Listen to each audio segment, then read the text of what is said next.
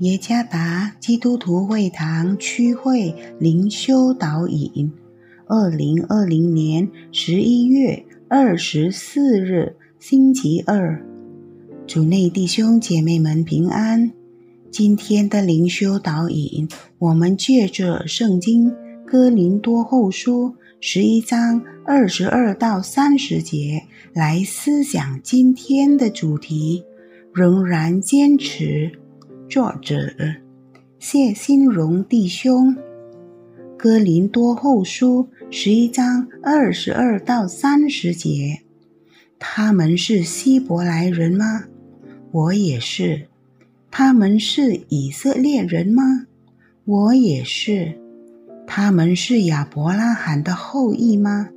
我也是。他们是基督的仆人吗？我更是。我比他们多受劳苦，多下监牢，受鞭打是过重的，冒死是屡次有的。被犹太人鞭打五次，每次四十减去一下；被棍打了三次，被石头打了一次，遇着船坏三次。一昼一夜在深海里，又屡次行远路，遭江河的危险，盗贼的危险，同族的危险，外邦人的危险，城里的危险，旷野的危险，海中的危险，假弟兄的危险，受劳碌，受困苦。多次不得睡，又饥又渴；多次不得食，受寒冷，赤身露体。除了这外面的事，还有为众教会挂心的事，天天压在我身上。有谁软弱，我不软弱呢？有谁跌倒，我不焦急呢？我若必须自夸，就夸那关乎我软弱的事便了。我们过的生活，并在我们的生活中执行上帝的使命，并不容易。特别是在正流行的新冠肺炎疫情期间，充满了挑战。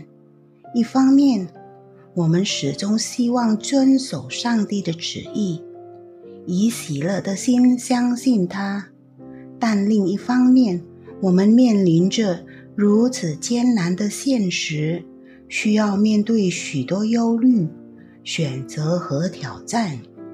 有时候使我们感到沮丧并绝望。从我们今天阅读的经文中。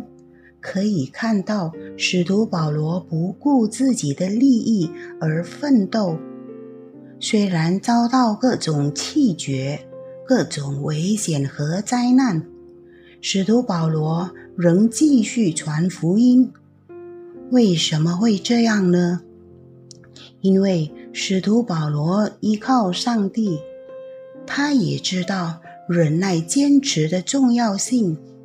信徒需要具备三种忍耐坚持，就是忍耐坚持祷告、忍耐坚持默想神的话语和忍耐坚持经受考验。罗马书第五章第三到第五节记载，不但如此，就是在患难中也是欢欢喜喜的。因为知道患难生忍耐，忍耐生老练，老练生盼望，盼望不至于羞耻。因为所赐给我们的圣灵，将神的爱浇灌在我们心里。使徒保罗看到一个对基督永远心存盼望的人，即使遇到困难、挑战。或痛苦也不会失望，因此，让我们反思今天所面临的问题：经济危机吗？疾病吗？痛苦吗？所有这些都使我们开始感到沮丧吗？要学会忍耐，坚持祷告，默想神的话语，并面对考验，永远仰望赐予我们力量的主吧。保持精神，并相信上帝的恩典，因为他是永远。